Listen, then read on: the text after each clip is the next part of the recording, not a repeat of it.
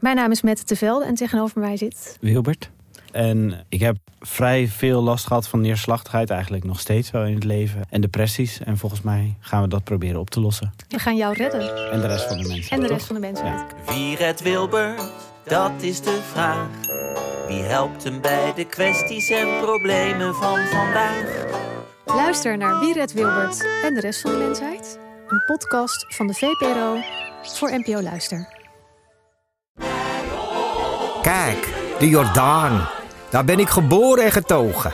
De nieuwe Nederlandse musical Onze Jordaan van Diederik Ebbingen is dit najaar in de theaters te zien. Koop nu uw kaarten op onzejordaan.nl.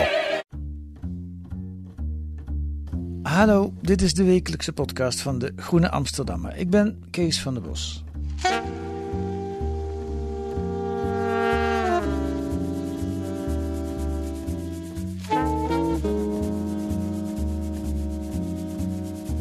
We zitten in een driedubbele crisis. Het coronavirus houdt ons flink bezig. Pas op voor de tweede golf. De economie is dramatisch gekrompen met 8,5% in het afgelopen kwartaal, zegt het CBS. En dat is ongekend. En dan hebben we nog even de klimaat- en de milieucrisis die sowieso om een omvorming van de economie vraagt. Hoe pakken we dat aan? Welke kansen geeft zo'n diepe crisis? Dirk Bezemer, hoogleraar economie in Groningen en tweewekelijks columnist in De Groene, ziet die kansen al langer en legt het nog één keer uit in een net verschenen boek. Een land van kleine buffers. Nee, het is niet net verschenen, het komt volgende week uit, hè, het boek. Dat klopt. Waarvan deze week wel, en dat klopt wel, een voorpublicatie staat in De Groene Amsterdammer. Welkom Dirk. Dankjewel, Kees. Jij hebt die coronacrisis gebruikt om dit boek te schrijven, of was je dat sowieso al van plan? Eh, nee, ik heb, de, ik heb de crisis aangegrepen om dit boek te schrijven. Het is natuurlijk wel de vrucht van nou ja, misschien wel tien jaar onderzoek en onderwijs en gesprekken.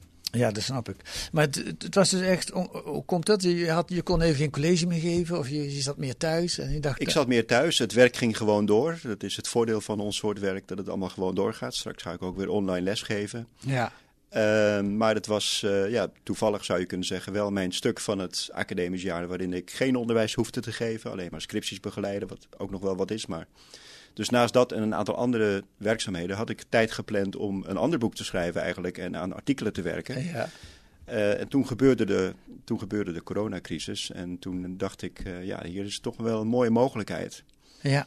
Dit is het moment om nog eens uit te serveren hoe het anders kan in, in, in Nederland. Of om te onderzoeken wat er allemaal mis is. Dat denk ik wel en dat, eh, daarin ben ik natuurlijk lang niet de enige. Ik vind het wel opvallend hoe dat eigenlijk het alles overheersende sentiment was in maart en april. En hoe dat nu volledig weg lijkt. Ja. We willen zo snel mogelijk terug naar 14 maart. Ja. 15 maart begon de lockdown. Ja. We willen zo snel mogelijk terug naar normaal. ja, even uitgebreider. In maart of april was het van de wereld moet anders. Het kan zo niet door. We moeten het allemaal anders gaan doen. Ja. Dat gevoel. Ja. En je zegt, dat, dat zie ik ook, dat is weg, dat gevoel. Ja, dat, lijkt, dat, dat voelt zo, dat het helemaal weg is. Je leest Ja. er ook niets meer over. Nee, we moeten zo snel mogelijk weer op het Ja. oude pad. En iedereen wil natuurlijk graag zijn oude leven weer oppakken. Ik ook. Ja, hoe zou dat komen ja, eigenlijk? Dat het gevoel niet vastgehouden is? Ja, ik denk dat er. ehm, het, het schoot ook alle kanten op dat gevoel. Hè? Ja, de wereld iedereen- moest socialistischer, vriendelijker, ongelijker enzovoort worden. Iedereen haalde zijn eigen stokpaardje ja, ja, ja, ja. Dus ik hoop dat ik dat een beetje vermeden heb hier. Door ook over thema's te praten die al veel langer, zoals je al zei, al veel langer eh, aan de orde zijn. Ja. Nou, dat gaan we eh, onderzoeken. Ja, ik wil daar nog wel aan toevoegen dat. Hoewel die thema's langer aan de orde zijn, is het wel zo, denk ik, dat de coronacrisis de wereld radicaal veranderd heeft. Dus dat is ook een besef wat, denk ik, aan het eh, verdwijnen is. Ja. De economie is radicaal veranderd. Met name de niveaus van schulden, zowel bij de overheden als bij bedrijven, die zijn nu zo snel aan het stijgen. En dat zal nog wel even doorgaan. Ja. Eh, we, de- dat we alleen daarom, eh, daarom niet terug kunnen naar de wereld van 14 maart. Dus we hebben het ook. Het is niet alleen thema's die al langer belangrijk zijn, maar het is ook nu echt. Er is de noodzaak en ook de gelegenheid om dingen radicaal anders te gaan doen. Of echt fundamenteel anders te gaan doen. Zeg je, want die schulden die worden zo hoog, die kunnen we, als we op de oude voet doorgaan en alle schulden af moeten betalen, dat gaat gewoon niet lukken. Is dat? Nou, niemand kent de toekomst, maar het is heel goed mogelijk inderdaad dat, dat de schulden zo hoog worden dat we voor keuzes gesteld worden waar we niet aan gewend zijn. Dus namelijk moeten we doorgaan met die schulden te proberen af te betalen. Dat is heel schadelijk voor de economie. Uh, of moeten we een soort reset hebben en moeten we bovendien ook onze economie anders inrichten, zodat die schulden niet weer zo hard gaan groeien. Hè? Want de schuldenlast was al enorm. En ja. die was ook in de laatste tien jaar zijn de schulden wereldwijd, maar ook in Nederland, enorm toegenomen. Ja. Private schulden bedoel ik. Hè? Ik heb het hier niet over de overheidsschuld. Die is niet, niet hoog. Het was al een groot probleem. Ja, het was echt een heel groot probleem. Dat werd ook door eigenlijk alle economen onderkend. Uh, het duurde een tijdje na de financiële crisis van 2008 voordat dat breed onderkend werd. Maar dat, is, dat was nu zo. En ja, nu zijn ze nog veel hoger. Dus dat kan eigenlijk niet anders dan dat er ook iets fundamenteel anders moet. Goed, dat is alleen nog maar de schulden, want er komt nog veel ja, meer. Uh, dat is maar één ding. Ja, uh, het nieuws van deze week was natuurlijk die krimp van de economie, 8,5 ja. procent. Uh, nou ben ik een beetje naïef en een beetje milieufreak, dus ik denk dat is goed nieuws voor het milieu. minder rotzooi wordt er geproduceerd. je zag het ook in het begin, de forellen in Venetië en de, noem maar op. ben ik inderdaad naïef als ik dat denk? Nee, geen zins, Kees. Um, het is heel goed voor het milieu. Het was fantastisch om de sterren weer te kunnen zien en om de stilte te horen. Het is in het tweede opzicht ook goed voor het milieu dat het voor ons een demonstratie-effect is wat we kunnen. Ja. Natuurlijk ten koste van heel veel pijn. Niemand heeft het zo gewild, maar het is een demonstratie-effect en dat is veel krachtiger dan tien rapporten en uitzendingen. Ja. En, dus dat is, een, dat is een tweede manier waarop het goed is voor het milieu. Um, de derde, derde wat ik ervan zeg is de, de manier waarop het slecht is voor het milieu. Is dat wel dat we kunnen alleen maar naar een duurzamere economie door te investeren. Door duurzame innovaties uh, door te gaan voeren in onze economie. En dat is toch een kwestie van economische activiteit, dus ja. economische groei, ja. zo je wilt. Dus, en dat moet gefinancierd worden. Dus, dus we moeten nu niet uh, hebben dat de coronacrisis in dat opzicht roet in het eten gooit. En dat, dat gevaar is er wel. Bijvoorbeeld de investeringen in hernieuwbare energie. Door de lage elektriciteitsprijs loont het niet meer bijvoorbeeld om windmolens op zee te bouwen, heb ik begrepen. Nou, dat soort dingen, er zijn Ja. meer voorbeelden, Ja. die komen echt in gevaar nu. Ja, ja, dus we hebben die economische groei die een ramp is voor het milieu, hebben we ook nodig om het milieu te herstellen. We hebben economische activiteit nodig op duurzame manier. En Ja. of dat, eh, hè, wat voor BBP-groei daarbij komt kijken, interesseert me niet zo. Dus ik ben geen nulgroei proponent, maar dus we moeten, moeten, eh, we moeten oppassen dat we niet de duurzame groei hiermee verliezen en de verduurzaming van de economie, de innovaties die daarvoor nodig zijn. Ja. Tegelijk eh, ligt er een enorme kans. Hè, want ik denk dat de grootste hobbel voor innovatie, voor nieuwe verdienmodellen, dat zijn de oude verdienmodellen. Dat, Wacht dat even, is de macht van, het, ge- macht van de olie bijvoorbeeld. Ja, Nou, de- die is enorm geraakt nu. Dus als we die nou niet zo verschrikkelijk subsidiëren, eh, dan wordt er al een heleboel spontaan afgebouwd, om het zo maar te zeggen. Heel pijnlijk natuurlijk, maar het gebeurt. Dan wordt er al een heleboel afgebouwd, wat we dan niet meer met heel veel lobbyen en eh, vergoedingen en zo af hoeven te bouwen. Dat gebeurt al. Dus in die zin ligt er echt een kans om het dus anders op te gaan bouwen nadat er neergang geweest is. ja, ja. En of dat dan ook gaat gebeuren, dat is dan nu nog maar een tweede, maar daar komen we straks op. Laten we het eerst even nog wat verder onderzoeken. Eh, goed voor het milieu, dat, dat bevestig je, tenminste met ook een gevaar wat je noemt. Maar verder is het, die, eh, het, is zo'n getal, hè, 8,5% ongekend, dat wel, dat is een enorme krimp, we hebben dat nog nooit meegemaakt. Is dat nou erg? Eh, ja, het is erg. Om te beginnen, ja, het is erg. Waarom? Eh, moet ik zeggen als econoom. Want, eh, en wil ik ook zeggen als econoom. Niet Waarom? Dat, eh, ehm, ja, omdat dat direct in het levensonderhoud van heel veel ondernemers en werknemers hakt. Daarom is het erg. Het raakt mensen in hun portemonnee. Ja, en in de mogelijkheden om te consumeren, eh, Ja. om zich te ontwikkelen, om op vakantie te gaan Ja. enzovoort. Ja. En dat merken we nu nog niet zo erg. Eh, sommige Nederlanders wel, maar een heleboel gelukkig niet. Omdat er nog die deken van steun over de Nederlandse economie ligt. Maar nou, binnenkort gaat besloten worden hoe een derde pakket van steun eh, gecontinueerd gaat worden. Of dat gecontinueerd gaat worden, in welke Ja. vorm. Maar we gaan toch in het komende jaar, gaan heel veel mensen dat eh, nog veel sterker voelen dan nu al het geval is. Ja, ja, ja. Daarom is het erg. ja. Het raakt mensen, mensen worden werkloos, mensen raken hun baan kwijt, ondernemers lijden verlies. Ja, heel veel ondernemingen gaan. zijn nu al technisch failliet, maar worden nog in de lucht gehouden. Heel veel mensen zijn hun baan al kwijt, maar worden nog doorbetaald door de overheid. Dus ze hebben formeel nog een contract. Ja, Maar dat, is, dat zal niet zo blijven. nee. Maar als we daar nu de pijn opvangen, als we nu zorgen, als de overheid nu zorgt dat nou, bijvoorbeeld een basisinkomen, ik noem maar een wild idee, dat die, het inkomensverlies van mensen gedempt wordt, Ja. dan heb je dus al een heel groot deel van, die, van het slechte van de crisis, hè, pak je aan. Klopt, dat klopt. Dus het is inderdaad het allerbelangrijkste, denk ik. als je kijkt naar puur economisch beleid, is om de, de verliezen van de meest kwetsbare groepen in de samenleving, om die te beperken, om daar goede vangnetten te spannen. En daar, daar verbind je de coronacrisis trouwens direct met een, veel, eh, eh, een thema van veel langere duur. En dat is namelijk de grote groep kwetsbare Nederlanders. Ja. Er zijn van de 9,5 miljoen werkenden in Nederland, eh, zijn er ongeveer eh 2,5 miljoen flexwerkers slash ZZP'ers. Nou, sommige ZZP'ers die zijn, eh, die kunnen uitstekend voor zichzelf zorgen natuurlijk, maar een heleboel ook niet. Eh, en een heleboel dat, flexwerkers, dat betekent dat zijn mensen die geen zekerheid van werk hebben Ja. en geen zekerheid van inkomsten en erg weinig sociale verzekeringen en pensioenen opbouwen. Dus een kwart inderdaad van Nederland, van werkend Nederland, eh, ja, is toch in een zeer flexibele en dus kwetsbare positie. En dus gaat ook deze crisis, denk ik, in Nederland er harder inhakken dan we nu denken. En nogmaals, niemand kent de toekomst, maar met zo'n groot deel van de Nederlanders in een kwetsbare positie gaat dat, eh, gaat dat er inhakken. Nou, Ja. En in die zin is de crisis ook echt een, ehm, een mogelijkheid. Net zoals met de hoge schulden gaat de grote kwetsbaarheid op de arbeidsmarkt ons duchtig parten spelen en gaat ons dus dwingen, als het ware, hoop ik ook, om daar structureel iets aan te doen.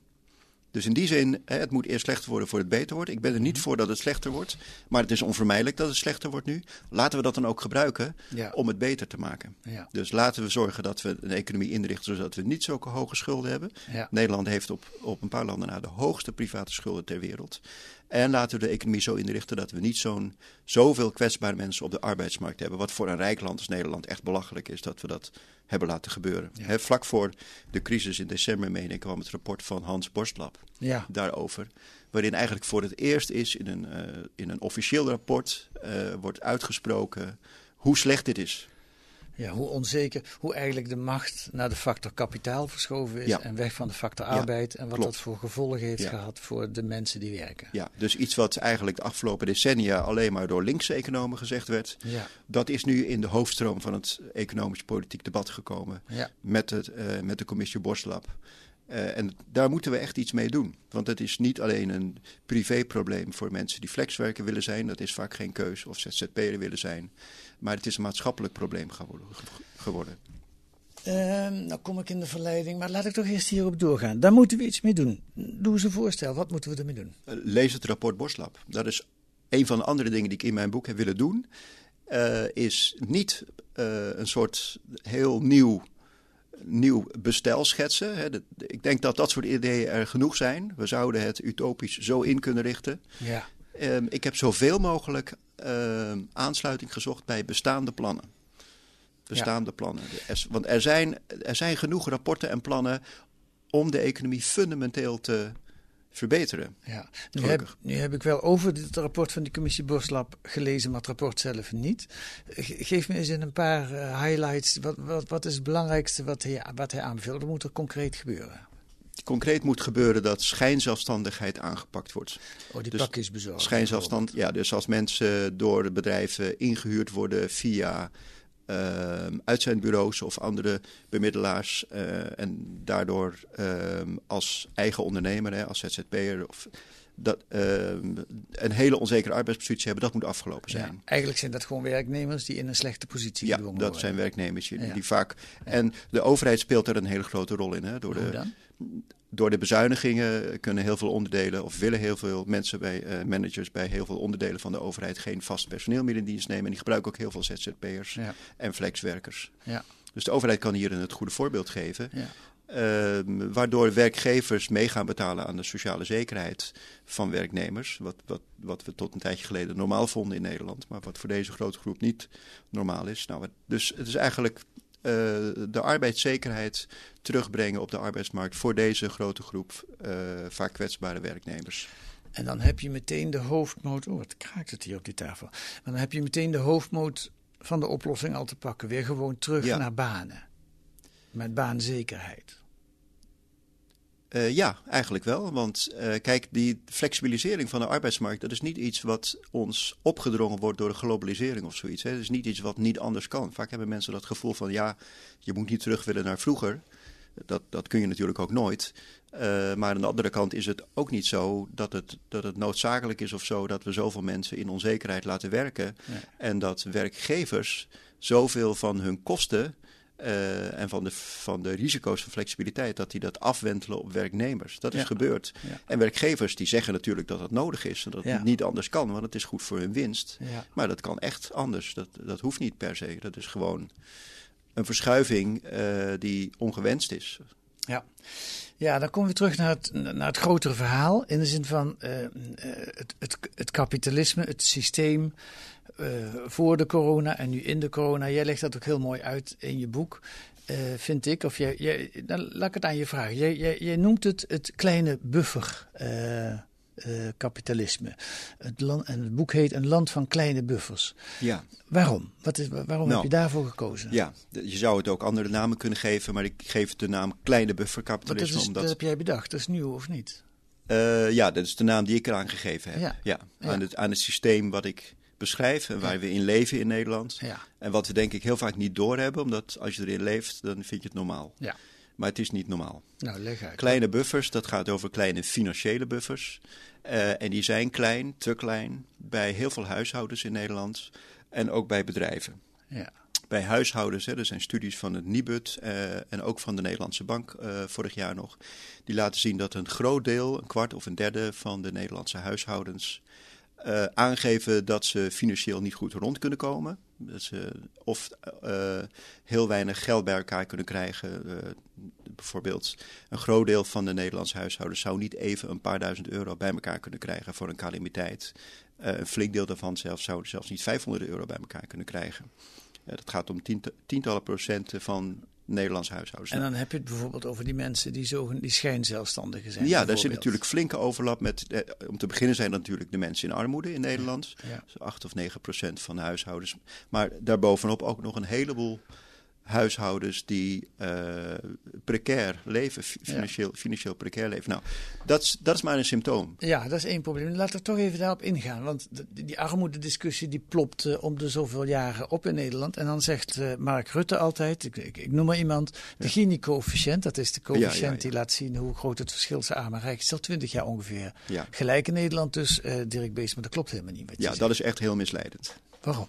De Gini-coëfficiënt is een, een, maatstaf voor de ongelijkheid van inkomens. Ja. Uh, nul betekent dat er perfecte gelijkheid is. En één betekent dat één persoon alles heeft. Dus ergens daartussenin zitten we. Ja. Nou, in Nederland uh, zitten we al heel lang stabiel en laag daarin. Ja, dus het gaat goed. Uh, dat, dat, is, dat is op zich goed, maar het is een maatstaf voor ongelijkheid die niet goed laat zien wat er onderin en bovenin de verdeling gebeurt onderin en bovenin, uh, dus bij bovenin de, de verdeling. La, bovenlaag en ja, bij de armen. Ja. En het is bovendien, dat is één ding. Maar dan moet je uitleggen, waarom laat dit dat niet goed zien? Uh, zo is de maatstaf geconstrueerd. Dus je kunt ook naar andere maatstaven kijken. Bijvoorbeeld, uh, wat is het aandeel in totale inkomens van de rijkste 10% ten opzichte van de laagste 50% of zoiets. Nou, die cijfers heb ik niet paraat nu. Mhm. Mm -hmm. maar hoeveel miljonairs zijn er in Nederland en hoeveel keer is hun vermogen uh, het vermogen van de rest. Ja? Inkomen is één ding en dat laat de Gini-coëfficiënt zien.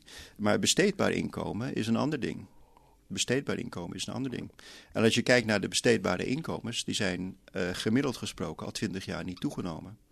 Dus dat is het inkomen min belastingen, min andere vaste lasten, dus wat je te besteden hebt. Dat is weer dat verhaal van de factor arbeid die profiteert niet mee van precies, de stijging ja, in de economie. Precies. De lonen blijven reëel gezien blijven ja, al, al ja, jarenlang gelijk. En lopen dus feitelijk achter. De besteedbare, niet, niet, de lonen. Dan Nee, moet je. De lonen zijn heel licht, heel licht gestegen. Maar- de lonen per uur overigens, die zijn de laatste tien jaar gedaald. Ja. Toen ik in de CBS-cijfers dook, toen verbaasde mij dat ook. hè. Ja. Dus de, de, we hebben met name de groei van de economie gerealiseerd en groei van de totaal betaalde lonen, doordat we meer zijn gaan werken, meer uren werken. Maar de lonen per uur die zijn ietsje gedaald. Dat is een andere dimensie van de ongelijkheid, terwijl de winsten gestegen zijn. En behoorlijk gestegen zijn. En de dividenden voor aandeelhouders dus ook. Ja. Dus er zijn heel veel. eh, de stad, sorry, dat moet ik nog even afmaken. Dat gaat over inkomen. Ja. Wat je per maand krijgt. Maar er is er ook nog zoiets als vermogen, wat je bezit. Ja. En de ongelijkheid in bezit is enorm in Nederland. Die is heel groot en die is ook toegenomen. ja. Dat Nou. is ook het verhaal van Piketty. Dat is het verhaal van Piketty en dat gaat eh, heel erg sterk op voor Nederland. Ja. Dus Ja. Nederland heeft eh, toenemende ongelijkheid in besteedbare inkomens. En dat is toch waar het om gaat, hè, wat je per maand overhoudt. Ja. En sterk toenemende ongelijkheid in vermogen. Ja. En eh, er is een toenemende groep Nederlanders die financieel kwetsbaar zijn. Dat is de uitkomst daarvan. Ja. Dus dan kun je wel over de Gini-coëfficiënt praten, maar dat is niet alles waar je over kunt praten. Nee. En Dus- dat verklaart ook wat je ziet. Hè? Toename bij de voedselbanken, toename bij dakloosheid. Ja, dat zijn bij- symptomen daarvan. En, maar er zijn ook echt wel degelijke statistische onderbouwingen van die symptomen eh, die aangeven wat de structuren daarachter zijn. Ja. En dat is eenvoudig, of eenvoudig, ja, dat is in ieder geval dat de lonen stagneren of ietsje dalen per uur, dat de besteedbare inkomen al twintig jaar stagneren. Ja. Terwijl we nu toch een hoogconjunctuur achter de rug hebben sinds 2014. Ja. En dat terwijl dat niet nodig is, want er is flinke economische groei geweest en de winsten zijn dan ook flink gestegen. Economische groei, dat is lonen plus winsten. Nou, Mhm. daarvan zijn de winsten flink gestegen en Ja. de lonen niet. Dus Ja. dat is echt toenemende ongelijkheid. Oké, dan hebben we die plek gehad, zou ik maar zeggen. Eén de, de- één kleine buffer zit bij, bij ons, bij de mensen. eh, er, is, er is wel degelijk grote ongelijkheid in Nederland en wel degelijk ook eh, substantiële armoede bij Nederland. Nou, je moet oppassen met termen. Hè? Als je, kijk, als je als econoom daarover praat, moet je precies zijn. De armoede in Nederland, ongeveer 8, 9 procent, die is Ja. laag en stabiel en die is ook al ietsje aan het afnemen. Laag vergeleken met. Maar er zijn heel veel, eh, heel veel huishoudens, mensen die niet in armoede leven, Ja, eh, maar die, eh, die ook niet goed rond kunnen komen. ja, Aangeven Ja. dat ze niet goed rond kunnen komen aan het Nibud. Die aangeven in enquêtes van de Nederlandse Bank, ja. Toch niet de eerste de beste, dat ze eh, niet even een paar honderd of een paar duizend euro bij elkaar kunnen krijgen in geval van een calamiteit. En dat zijn substantiële aantallen. Dus de, de echte armoede, zelfs armoede naar Nederlandse maatstaven, die is in Nederland gelukkig eh, laag en vrij stabiel. eh 8 à 9 procent, denk ik. Vind je dat veel eigenlijk? Of is dat Dat vind ik zelf nog veel. Ja, dat vind ik zelf nog veel. Maar als je het vergelijkt met andere landen, is het gelukkig vrij laag. Maar het gaat dus vooral om die grote groep eh, middeninkomens en lagere middeninkomens, vaak zelfs tweeverdieners, die eh, niet rond kunnen komen en die weinig buffer hebben. Dat, dat is echt een probleem. Ja. En ik zou je zeggen waarom het een probleem is, als ik het nog heel Ga kort door. mag doen. Zeker. Eh, hè, dat is natuurlijk aan, aan de ene kant kan je zeggen, ja, het is een kwestie van politieke overtuiging. ongelijkheid, dat hoort bij het kapitalisme. Daar heb je ook dynamiek van enzovoort. Nou ja, ik sta dan aan, aan de kant van de mensen die vinden dat minder ongelijkheid beter is. Politiek gezien of ethisch gezien, zo je wilt. Een andere reden, helemaal los daarvan, los van je eh, morele overweging of wat dan ook, is Ja. dat het gewoon beleid ondermijnt. We hebben dat gezien bij de gele hesjes in Frankrijk. We staan voor grote beleidsuitdagingen, met name duurzaamheid.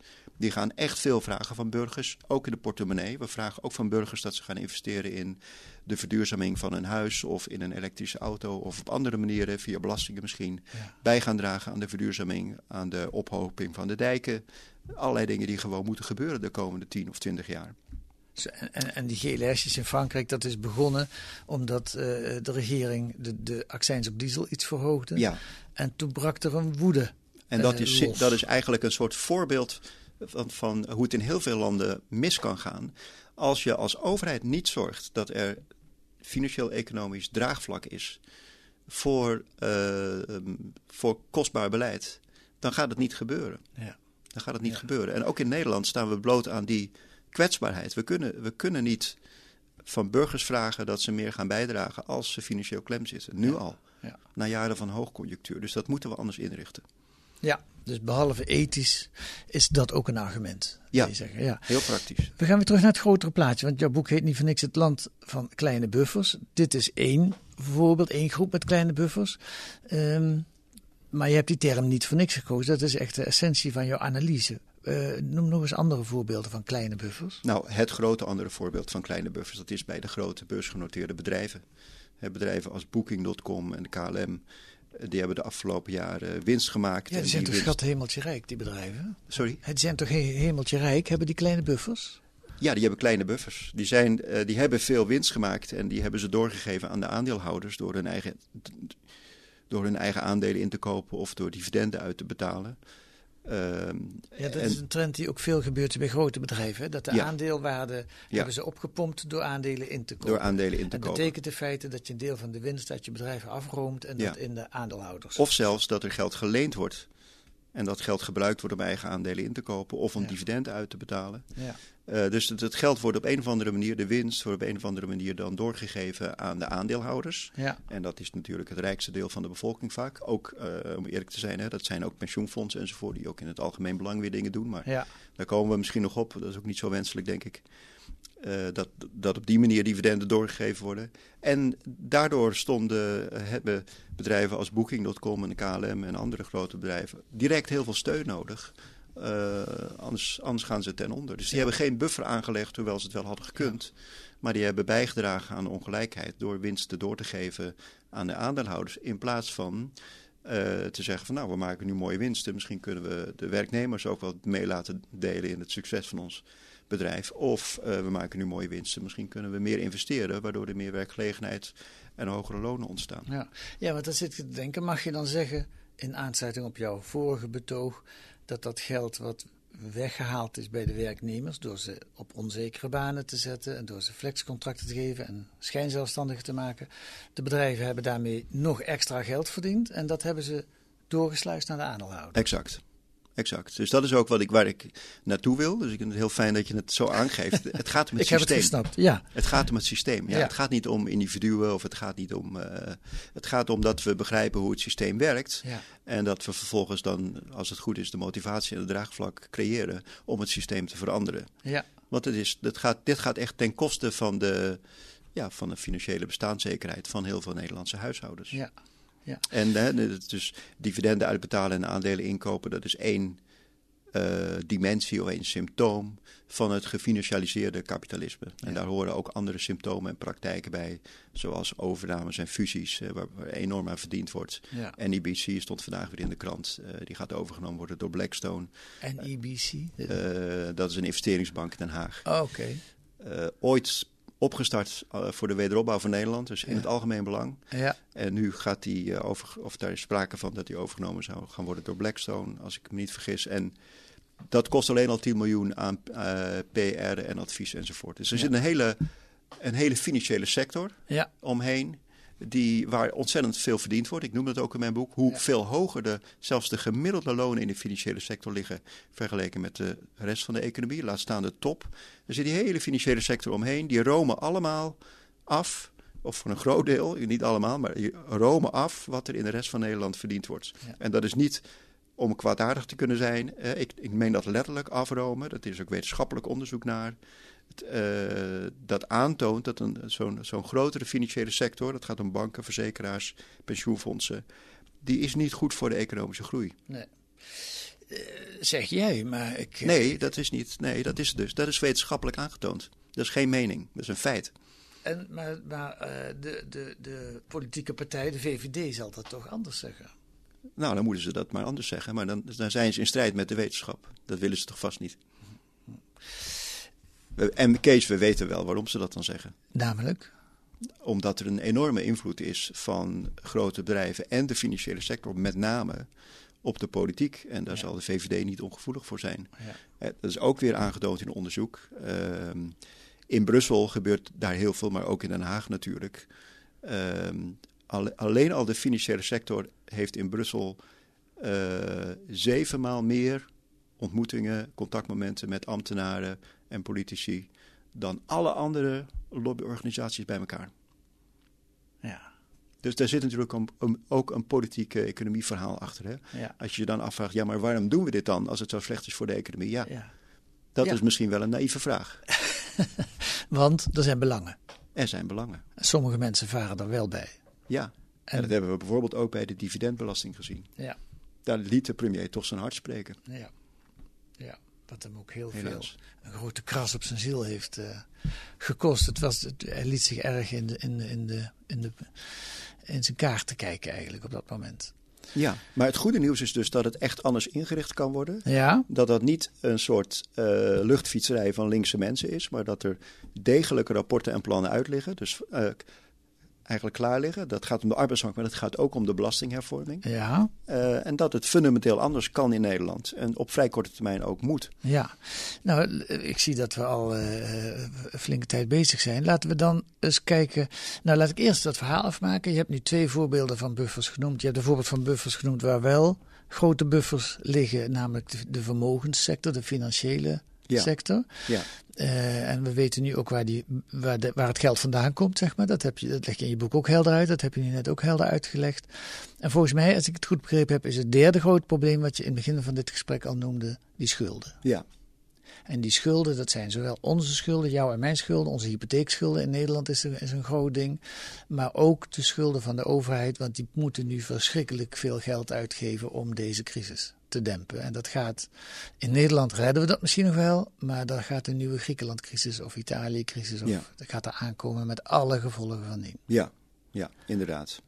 Die schulden, dat zijn trouwens, dat is ook een bron van het geld. Niet alleen lonen, maar er is ook heel veel geleend. En als er geld geleend wordt, schulden gecreëerd worden, dan wordt er ook geld gecreëerd. Ja, banken maken geld. Hè? Banken maken geld als ze Ja. lening uitgeven. Dus Ja. er enorm veel schulden zijn in het eh, geld uit schulden. Mhm. Zijn in het eh, de vastgoed- en financieel complex gepompt. eh, waardoor de huizenprijzen ook zo enorm gestegen zijn, onder andere. Mhm. Dus dat, dat is ook een bron van het geld, hè, schulden. Dat is ook weer de, de financiële sector die functioneert op een manier die wel winstgevend is voor de financiële sector. Ja. Maar die niet de, ja, voor, het, voor het grotere geheel werkt. Ja.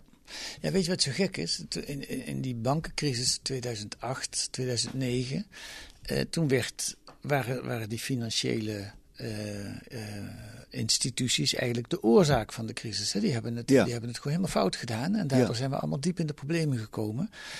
En wat je ziet is dat we er eigenlijk heel weinig van geleerd hebben. Er zijn wat grotere Ja. buffers bij de banken gekomen. Dat moest, dat, ze- Ja. dat is niet meer zo snel moeten Nog klein hoor.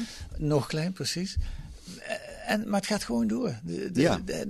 Er is niks veranderd. Terwijl, Eh, er zijn dingen veranderd. Hè, de, de- maar het grote plaatje is inderdaad dat de, de schulden wereldwijd zijn de schulden enorm toegenomen, ongeveer verdubbeld de laatste tien jaar, dus Ja. sinds de crisis van 2008. Ja. Eh, en ehm, de financiële kwetsbaarheden, de manieren waarop het fout kan gaan financieel, die zijn er nog steeds. En Ja. Dat is niet mijn persoonlijke mening alleen maar, maar dat, dat zijn, daar zijn ook weer veel Ja. analyses van. En internationale instellingen zoals de Bank for International Settlements, die daarover gaan, die, die, die daarvoor waarschuwen dat dat zo is. maar Ehm, waarom zou het dan nu, eh, na deze crisis, anders gaan? Eh, nou, dat is ook niet gezegd. We kunnen, dat is ook niet gezegd en daarom schrijf ik dit boek. Om ja, ja. dat de moet goede kant op te duwen, Ja, hopelijk. Ja. Ja. Eh, maar zie je tekenen? Eh, bedoel, je wilt het graag anders, maar zie je ook tekenen? Als je kijkt wat ze nu doen, KLM wordt Ja. gesteund. Dat is vrij gemakkelijk gegaan. Ja. Eh, Schrijf je zelf ook, die voorwaarden die daarvoor gesteld zijn, zijn boterzacht. ja. Eh, Dat, dat is niet echt, stemt niet echt hoopvol. Nee, er zijn een, dus ik kan nog veel meer voorbeelden noemen van niet hoopvolle tekenen. Nou, laat, dat, laten we dat nu niet doen, eh, alleen maar. Maar het- een hoopvol teken is wel dat, eh, dat vorige week nog heeft eh, premier aangegeven dat, en Hoekstra ook, eh, minister van Financiën Hoekstra, dat, dat we voorlopig niet gaan bezuinigen. Nee. Be- maar dat we, ons, dat we ons uit de crisis willen investeren. Ja, dat is wel echt nieuw, hè? want dat was na die vorige crisis. Dat is nieuw. Er Ja. is echt een les geleerd uit Ja. het overmatig bezuinigen in de vorige crisis. Ja. Dat is hoopvol. Hè? We- Ja. Ik moet, moet erbij zeggen, we moeten echt nog zien hoe het gaat. En we moeten vooral zien, wat voor investeringen worden dat? Maar het is wel gek eigenlijk. In tien jaar tijd is, is het hele regeringsbeleid op dat punt veranderd. Na de Ja. economische, na de bankencrisis werd er gezegd, we moeten echt bezuinigen, want anders gaat het helemaal niet goed. De schulden Ja. lopen veel te hoog op. We hebben die banken flink moeten steunen. En nu hebben ze ook heel veel geld uit moeten geven. En nu zeggen ze gewoon radicaal iets anders. Ja, omdat ze toch heel veel kritiek hebben gekregen op dat bezuinigingsbeleid, wat aantoonbaar eh, onze Nederlandse economie verder de modder ingeduwd heeft. Hè, We hebben, zijn een van de langst stagnerende economieën geweest van alle rijke West-Europese landen. Na die bankencrisis. Na die bankencrisis. Dat was een dubbele, een dubbele recessie. Dat was natuurlijk ook een eurocrisis. Maar goed, dat hadden andere landen ook. Ja. Maar Nederland stagneerde heel erg lang daarna. Ja. Ehm, dus dat, die les lijkt wel geleerd te zijn. En dat, Ja. is, eh, dat is dan een hoopvol teken. Nou, dat lijkt me wel een hoopvol teken, want het is eigenlijk wel een spectaculaire verandering. Ja, dat, dat is zo. Eh, tegelijk zijn er een heleboel andere aspecten die niet zijn veranderd. Hè. Met name dat er niet kritisch wordt gekeken naar de rol van de financiële sector en hoe die financiële sector meer ingezet zou kunnen worden voor, de, voor het soort groei wat we nodig hebben. Dat vind ik moeilijk te begrijpen. Zeg het, zeg het nog eens. De, de, je kunt die financiële sector anders gebruiken dan, dan die nu gebruikt Ja, wordt, nou, zeg je. ehm, een heel groot deel van de schuldgroei is hypotheek, hypotheekschulden geweest. Ja. En zijn schulden geweest om uh, fusies en overnames te financieren of uh, inkoop van eigen aandelen enzovoort. Ik denk dat we daar veel kritischer naar moeten kijken. Uh, als je zegt van de les van de bezuiniging zijn geleerd, is geleerd. Ja. Goed, dat is mooi, maar een andere les is dat we nu heel goed weten dat hoge private schulden ontzettend gevaarlijk zijn en kwetsbaar zijn en de economie tegenhouden. Mm -hmm. en dat de verdeling van de schuldgroei, productief versus improductief, heel erg belangrijk is. En daar ja. wordt nog heel weinig mee gedaan. Dus we zouden banken moeten stimuleren. En er zou explicieter beleid op moeten worden gevoerd. Uh, om die investeringen te financieren die de economie ten goede komen. En dat, ja. we kunnen we niet omheen. Dat is ook een politieke vraag. Wat, ja. wat, vinden, wij, uh, wat vinden wij goede economische groei? Ja. ja, en dat is een vraag die sommige economen stellen, maar politici vaak helemaal niet stellen. Economische groei is altijd goed. Terwijl het bij uitstek een politiek onderwerp is. Dus politici ja. zouden daar juist mee bezig moeten zijn. Ja, ja. Nou, ik vond ook een hoopvol teken een citaat wat jij haalt uit de Financial Times. Ik ga het gewoon helemaal voorlezen. Er moet een radicale hervorming komen van het beleid dat de afgelopen decennia is gevoerd. En dat schrijft in een, in een uh, editorial, wat is daar een mooi Nederlands woord voor? De, een redactioneel commentaar. Uh, dat zocht ik. Uh, in april van dit jaar schrijft de Financial Times dat. Het gaat verder met overheden zullen een actievere rol moeten gaan spelen in de economie. Overheidsdiensten moeten weer als investeringen worden gezien en niet als lasten. Arbeidsmarkten moeten minder onveilig worden. Herverdeling moet weer op de agenda en privileges van oudere generaties en de rijken zijn niet meer vanzelfsprekend. En beleid dat tot voor kort als buitennissig werd gezien, zoals basisinkomen en kapitaalbelasting, zullen deel uit moeten gaan maken van een nieuw pakket maatregelen. Schrijft in een redactioneel commentaar de Financial Times. Dat lijkt me ook een hoopvol teken. Ja, dat vond ik een heel hoopvol teken toen ik het las niet alleen de inhoud van de tekst, maar ook de plekken waar het verscheen. Hè. Als dit in een links manifest stond, dan, dan zou je het wegwuiven. Nou, ja. dat weten we nu wel. Ja. Dit stond in de Financial Times. Ja. Van de redactie van de Financial Times. Ja. En het staat veel uitgebreider in het boek van Dirk Bezemer. Een land, met klein, een land van kleine buffers, moet ik goed zeggen. Volgende week ligt het in de winkel.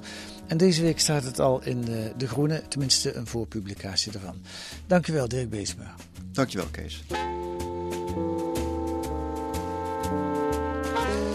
Deze week in De Groene ook hoe Nederland werd overvallen door corona. Aan het begin van de coronacrisis namen redactieleden van De Groene contact op met mensen die op dat moment een zogeheten essentieel beroep hadden.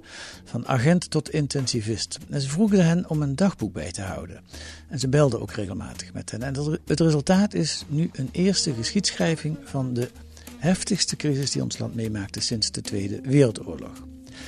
En, uh, Dirk, dat gaat jou aanspreken, een profiel van Karel Polanyi. Polanyi? Hoe spreek, je dat? Polanyi. Een politiek econoom uit de vorige eeuw die het liberalisme al bekritiseerde, bekritiseerde voordat het neoliberalisme werd. Nog één vraag aan jou. Waarom gebruik jij niet dat woord, want dat zie ik heel weinig in je boek, neoliberalisme? Omdat dat begrip uh, een veel, dat heeft een veel bredere betekenis dan waar ik het over heb. Je bent maar, preciezer eigenlijk. Ik wil preciezer zijn dan dat, ja. ja. Maar wat, wat, wat, ik schrijf, dat gaat helemaal over het neoliberalisme natuurlijk. Ja. Polanyi is een inspirator van de wereldverbeteraars en economen als Dirk Bezemer. Klopt dat ook? Is ja. dat een inspirator voor ja. jou? Um, dat kunt u allemaal lezen met een abonnement of een proefabonnement. Ga dan naar groene.nl. U kunt ook reageren op deze podcast. Mailadres is podcast.groene.nl. Podcast.groene.nl. U kunt ons ook sterren geven in uw podcast-app of een korte recensie. Daar zijn we blij mee. En volgende week zijn wij er weer met analyses en achtergronden bij het nieuws in deze podcast van de Groene Amsterdammer. Die deze week werd gemaakt door Madelon de Goffouw en Kees van der Bos. En de muziek is het Tune for N van Paul van Kemenade.